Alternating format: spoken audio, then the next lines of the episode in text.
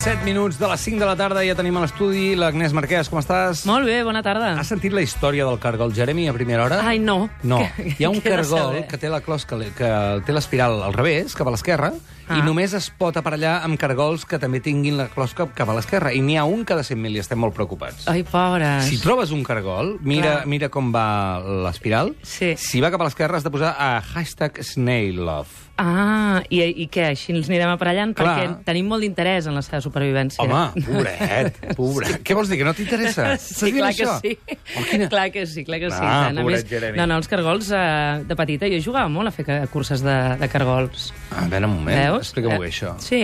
Però aquí, on, està, on vivies? A Lleida? No. Anàvem de càmping. Sí? Sí, i els nens del càmping que no ens coneixíem, agafàvem... Era el, pa, el País Basc, al nord, es plovia molt i hi havia molts cargols. Sí. Aleshores fèiem curses de, de cargols. Eh, ai, per I bé, bé, i tot bé, eh? Per iniciativa teva. Anem a jugar una cursa de cargols? Algú juga a Ja ha cursa de la cargols amb rarita. mi? Ja ha llegado la rarita, la catalana. Vale, venga, Vinga. va. I feies amics, així, o no? Uh, sí, fem amics, sí, sí, sí. sí. Passàvem les tardes. I el teu cargol havia guanyat alguna vegada? Uh, això no ho recordo. Així Ho que... recordaries, jo crec, si sí, hagués guanyat, exacte. eh? I també, si hagués trobat un d'aquests cargols que porten la closca a l'inversa, també. Per Doncs, tant... sí, sí, no, fem una crida a tothom que mm, trobi o sàpiga veure un cargol que li gira la closca cap a l'esquerra, Snail Love, i si no, també fem una crida per si voleu guanyar una entrada doble per anar al canal Olímpic de Catalunya. Ja sabeu què heu de fer a l'Estat de Gràcia. Entreu a arroba Estat de Gràcia, al tuit fixat, agafeu aquest tuit, feu retweet i follow, i una entrada doble pot ser per vosaltres. Ara parlarem amb eh, l'Agnès Marquès, que ens fa un bonus track avui d'aquí. Sergi Pàmies. Oh, gran Sergi Pàmies. Sí. Ui, i els talls deuen ser molt llargs, Ui. perquè aquest home, quan s'arrenca... Home, és difícil d'editar aquesta entrevista. És veritat, ja veig que, Però que el inter- coneixes. sí, sí és tant. interessant sempre el Està que molt diu. bé, està molt, molt bé. Després sabrem què fa el Costa i després parlarem d'on són les dones a la història de l'art. I atenció, perquè ja ho sabeu, a partir de les 6 de la tarda, brrr, redoble de tambors, Mariano Rajoy a escena. O sigui que ja ho sabeu, si voleu saber què diu, què, què n'esperes tu de Mariano Rajoy? Uh, què n'espero? No- no en Aquesta és una pregunta compromesa, tenint en compte que em dedico a fer informatius. No, no, no, no, no políticament, No, ni, ni, sinó que- què dirà avui. Uh, potser intentarà fer un discurs uh, que sigui contundent, diguéssim, des de amb les seves... Uh, Ai, com canvia el to, ho heu ah. vist o no, l'Agnès, quan es posa M'he informativa? transformat. Hola, hola, bon dia. Què dirà no, avui? però segur que intentarà ser conciliador en algun aspecte, bàsicament perquè ho necessitarà per la pròxima legislatura, duri el que duri. Necessitarà uh, tenir amics, cosa que segurament l'última legislatura no, no, no, no ha fomentat, no? tenir amics i que aquestes aliances que necessitarà li hagin sortit de manera més natural. Pots dir Agnès Marquès, Catalunya Ràdio, Ah, en diagonal? Diagonal de Barcelona. Som-hi! Roger, tu què hauries estat si no fossis cap d'estat? Pues. eh, I el papa Francesc, si no hagués estat papa? Este sería un, un hincha, un hooligan del fútbol. I Rita Barberà, si no hagués sigut Rita Barberà? Oh, pues seria ballarina de ballet clàssic. Només hi ha una persona capaç de saber-ho, la coministra d'Afers Humans d'Estat de Gràcia, Agnès Marquès.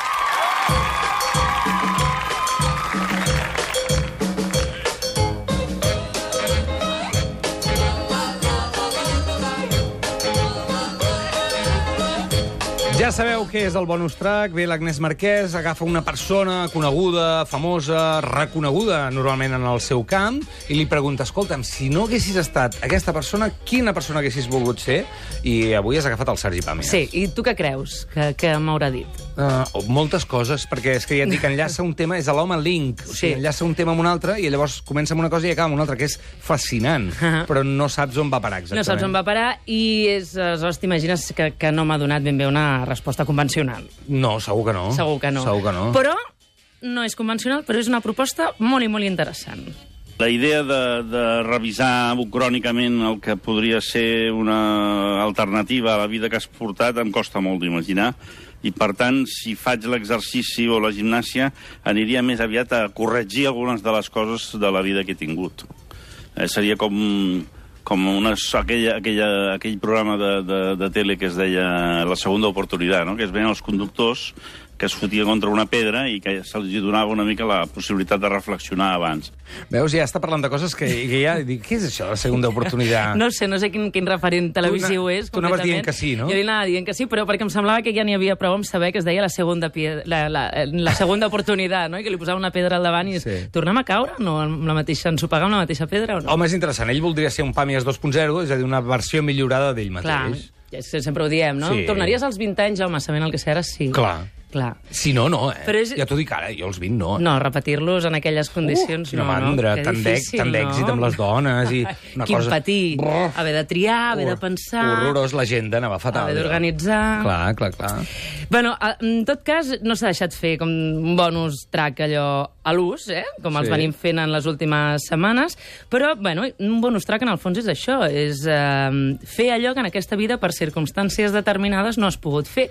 Clar, si neixes en el segle XXI i a tu t'hauria agradat ser explorador de l'Antàrtida, doncs és evident que en aquesta vida no ho has pogut fer. Però en canvi hi ha coses molt més assequibles que sí que hauríem pogut fer en aquesta vida i que pel que sigui no les hem fet o les hem fet diferents. No? Val, llavors què hauríem de fer? Revisar la seva biografia? Exacte, un bon exercici, no? Perquè d'entrada, a vegades, quan, quan fas això de revisar la teva biografia, et quedes amb coses eh, superficials, amb anècdotes, però i a més, com el Sergi parla i enllaça tantes idees, acabes arribant una mica al moll de l'os i, i a trobar aquella espineta clavada que dius, ai, mira, penso que aquí hem trobat alguna cosa. Aviam, aviam. There's nothing that I wanna do more than get alone and be with you. Trouble with dreams is they don't come true, and when they do, they can't catch up. Tornaríem a néixer, tornaríem a ser fills d'exiliats, tornaríem a, a París, perfecte, en aquella època que va ser fabulosa. T'hauries quedat a París? T'hauria agradat créixer al París dels anys eh, 70? Mira, això, això és de les, de les coses que, que no m'han pesat. Jo vaig arribar aquí i em vaig adaptar aquí. Potser em faltaria, que això sí que ho canviaria, probablement, en els anys de, de més gran m'hagués agradat fer una experiència a l'estranger. Pues, mm, vaig viure 5 anys o 10 a l'Argentina, o, o, o, o a Brasil, o, o, a, o a Berlín. Però sí que eh, quan miro enrere, dic, ostres, eh, portes masses anys en el mateix lloc, perquè clar, jo porto del 71 fins ara, sense clar. variació. Els meus germans ho han fet. Per tant, és possible tenir fills, eh, ser professionalment actiu i, d'alguna manera, estar més o menys ocupat dels teus pares, també es pot fer des de fora. Doncs jo estic pensant en 3, 4 anys. Eh? No, no, no et diré un Erasmus, però, però sí un... aquestes coses que, fa, que fan els de TV3 a l'Antoni Bassas, que se'n van a Washington, saps? Mhm. Estan allà Una corresponsalia. Ara, una corresponsalia. Que saps que has de tornar. M'ha faltat, faltat una corresponsalia. Està bé. I el que sí, hi ha dues coses que he lamentat tota la vida i que no les tornaria a fer i les canviaria radicalment, que és l'instrument musical, que probablement seria el clarinet, però no, perquè al final vaig tocar la guitarra, però jo el que volia era tocar el clarinet. I l'altra cosa que m'ha passat és el no saber anglès des de molt jove. En el context de la corresponsalia, això inclouria això. Ah, veus? Tot això lliga. ho hauria resolt.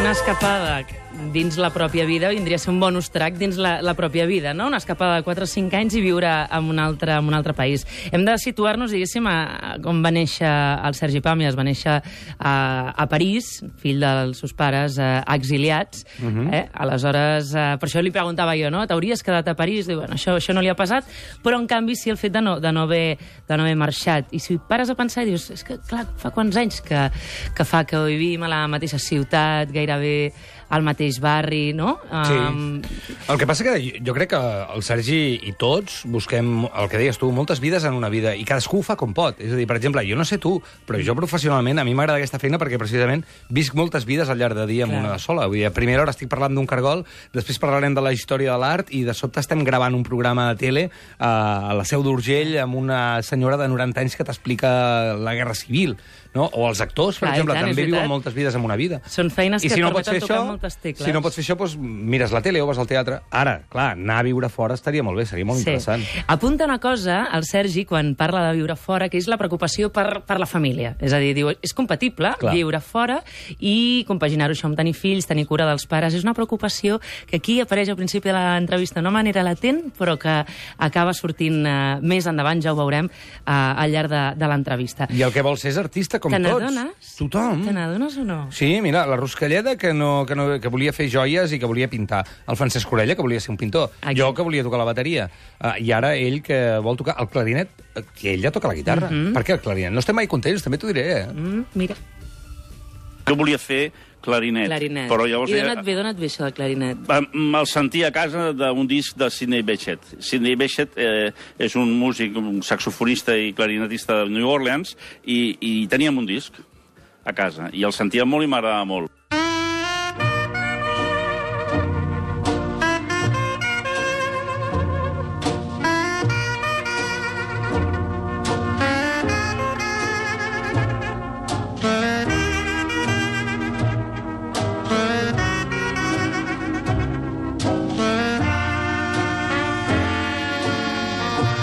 Meva mare, no sé per quina raó, jo crec que era que per al conservatori, si estudiaves guitarra, donaven com una mena de beca que tu pagaven una part de la guitarra. En canvi, el clarinet te l'havies de comprar tu.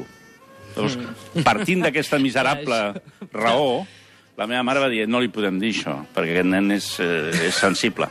I aleshores va ensenyar-me la foto de Sidney Bechet, que tenia un forat aquí al mentó, com Kirk Douglas. Ah, sí? I em va dir, si vols tocar el clarinet, toca el clarinet, però has de saber que si toques el clarinet et sortirà un forat aquí. No m'ho crec, això és molt bo. I tu com vas dir? Mm, no, Mm, davant, no. davant de... I després, possible tragèdia. la mateixa setmana que em va dir això, em va portar a veure un concert de Atahualpa Yupanqui, que tocava el, el gran músic eh, argentí, que tocava al, al meu barri, en, un, en una sala de concerts. I llavors vam anar allà, i no només vam anar, que tocava molt bé la guitarra, sinó que el vam anar a saludar. I aleshores la combinació de forat de mentó... Veig que eres difícil de fer convèncer, eh? Perquè Déu-n'hi-do. Bueno, Entre la ràpidament. Home, entre... Home, Primer un m'havia altre- d'ensenyar la foto i et devia d'amenaçar. Sí, però una pers... no, amenaçar no. Em va, em va suggerir que hi havia aquest risc. D'acord. I després encara et va haver de portar al Sí, concert però, perquè li però veiessis tot les... forma m'hauria portat igual, saps què et Ja. vull dir? La meva mare aprofitava bastant tot. Eh? Era, era, re- reciclava els arguments. Per tant, en la meva vida hi hauria també la faceta de músic És, és, és fantàstic, almenys a mi m'encanta que ens permetin, aquests personatges famosos que entrevistem, permetin reviure moments de la seva infantesa, no? T'imagines el Sergi Pàmies, tot jovenet, no?, petit, veient aquella foto del Beixet amb, amb, amb, amb el sot aquí a la barbeta i dient, ai, doncs no ho sé, això del clarinet potser m'ho repenso. A vegades ens convencen coses molt concretes, com un clotet a, Sí, sí, a, la, sí. a la cara. M'agrada molt el concepte miserable raó. Eh? Mm. Per, per no haver de pagar la guitarra sencera, la seva mare va fer servir aquesta miserable raó, ho diu ell. Sí, Però sí, sí. quantes coses decidim per miserables raons a la Clar. vida, eh? I Home, després sí. ens canvien la vida del tot, eh? Definitivament, definitivament. Aquesta secció, però, Roger, trobes que hauríem de dir... que li hauríem de canviar el nom? No li hauríem de dir bonus track, sinó hauríem de preguntar quin artista eh, hauries volgut ser en una altra vida? Directament. De moment portem 4 de 4, o sigui que...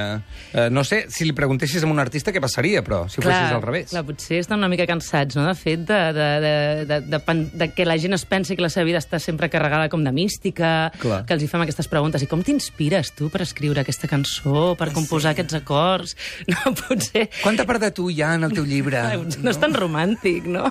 Potser, potser li preguntes... Haurien de fer l'exercici un dia. Li preguntes a un Sí. artista quina vida voldria ser. Potser et diu oficinista de Caixa Penedès. Clar, vuit hores. De 8 a 3, eh? I s'acaba la tonteria. I I, so- seguretat, perquè la vida de l'artista és molt insegura. Clar, exacte. No, menys aventura, més seguretat, no? I potser eh, pensar que no hi ha tant de romanticisme en aquesta vida artística. Però és que m'atrau molt, perquè això et deu voler dir que hi ha alguna cosa dins de tots nosaltres que tenim aquí una, una, una pulsió artística que no acabem de, de resoldre segurament la majoria, no?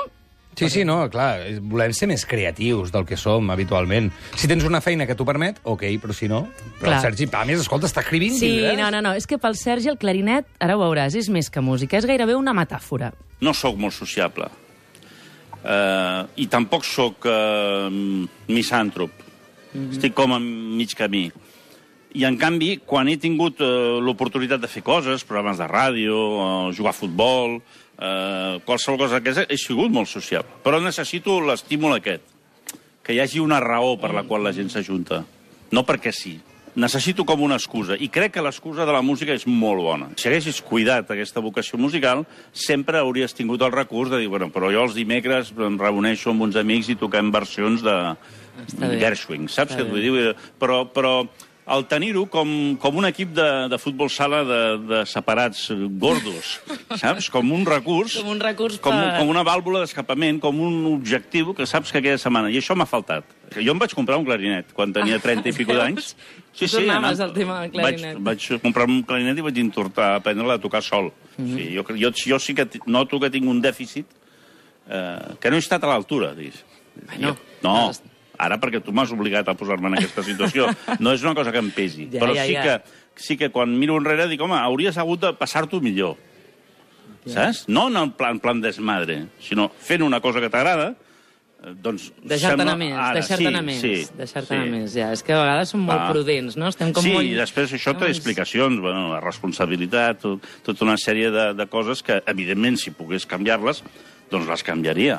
La responsabilitat de què? Perquè... La responsabilitat apareix eh, com una sorpresa en el sentit de que jo d'alguna manera havia viscut tan bé o tan mm, privilegiadament, que no vol dir ser ric, que no vol dir, eh, vull dir, feliç, i va coincidir, diguéssim, la, la, els anys de més, de més atenció de la primera infantesa dels meus fills amb el deteriorament dels meus pares. Llavors, allà hi ha un, un, un descobriment que està present en els llibres. Sí, de paper fonamental, no? Eh, De, de- de- de que els, peça els clau. americans en diuen sandwich generation.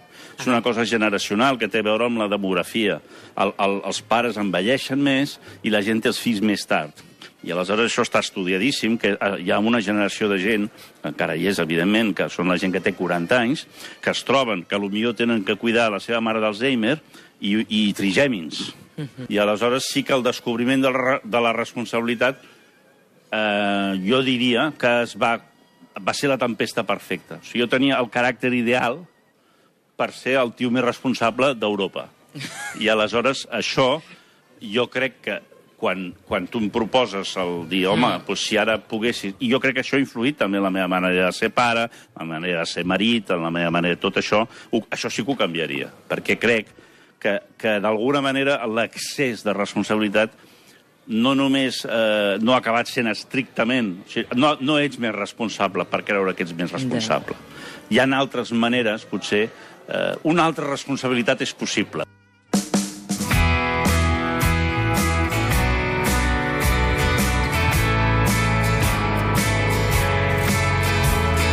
Sí, senyor, ara i aquí, en aquest bonus track del Sergi Pàmies, demanen un aplaudiment per aquesta frase. Una altra realitat és possible... Responsabilitat, perdó, ja ho diré bé. Que també, realitat. Una altra responsabilitat és possible. Eh... Ens agrada, ens Sí. agrada aquest plantejament. Ara estic fent una lectura de la lectura, és a dir, el tema artístic té a veure també, i ara ho parlava el Sergi Pàmies, està, és una teoria, eh? Sí. Volem ser artistes per viure aquesta vida bohèmia i tal, tal, però volem ser artistes per no ser tan responsables. És a dir, volem poder ser una mica més dolents, una mica més... Però no dolents, sinó una mica més egoistes, una mica més... No, no estar tan preocupats per tot. Fugir de tant en tant, no?, Sí. de la responsabilitat, de la Clar. quotidianitat, tenir una sortida, escampar la boira... Fa falta el clarinet. Sí, no, poca broma amb això de la música, eh? perquè jo t'he de dir que toco la bateria i l'he tocat així molt de manera amateur, mm -hmm. però la connexió que he trobat tocant la música no l'he trobat amb gairebé res, eh? Bueno, amb el sexe, bueno, amb el joc il·legal, bueno, amb... amb tots els allò. No, però és, és cert, jo crec que la, la música, igual que qui escriu o qui, qui pinta, però de manera aficionada, no? Segurament si tu et dediques professionalment a això, la, la teva vivència és molt, molt diferent. Però és cert que quan trobes en l'art eh, una manera d'escapar de les teves preocupacions diàries, I de no ser tan bo, de ser una mica dolenta. A tu t'agradaria ser una mica més dolenta? Més despreocupada de ser la bona sí, de la home, classe? Sí, No, la bona, la bona, tampoc no sé si, si, si vull dir, he tingut aquest, aquest pes de la responsabilitat, però sí que desmadrar-nos de tant en Clar. tant, a perdre una mica... De de deixar de tocar sempre de peus a terra. Sí. Segurament aquesta gravetat és Puja el que... a la taula, Agnès, Vinga, som-hi, home. Ens en estem anant, però està sí. molt, molt bé, està molt bé. Ens agrada és, aquest és molt plantejament. interessant, és molt interessant. Ja, T'ha dit més coses, el Sergi, o no? Sí, tant, tira. Sí, sí. I got my mind else. Some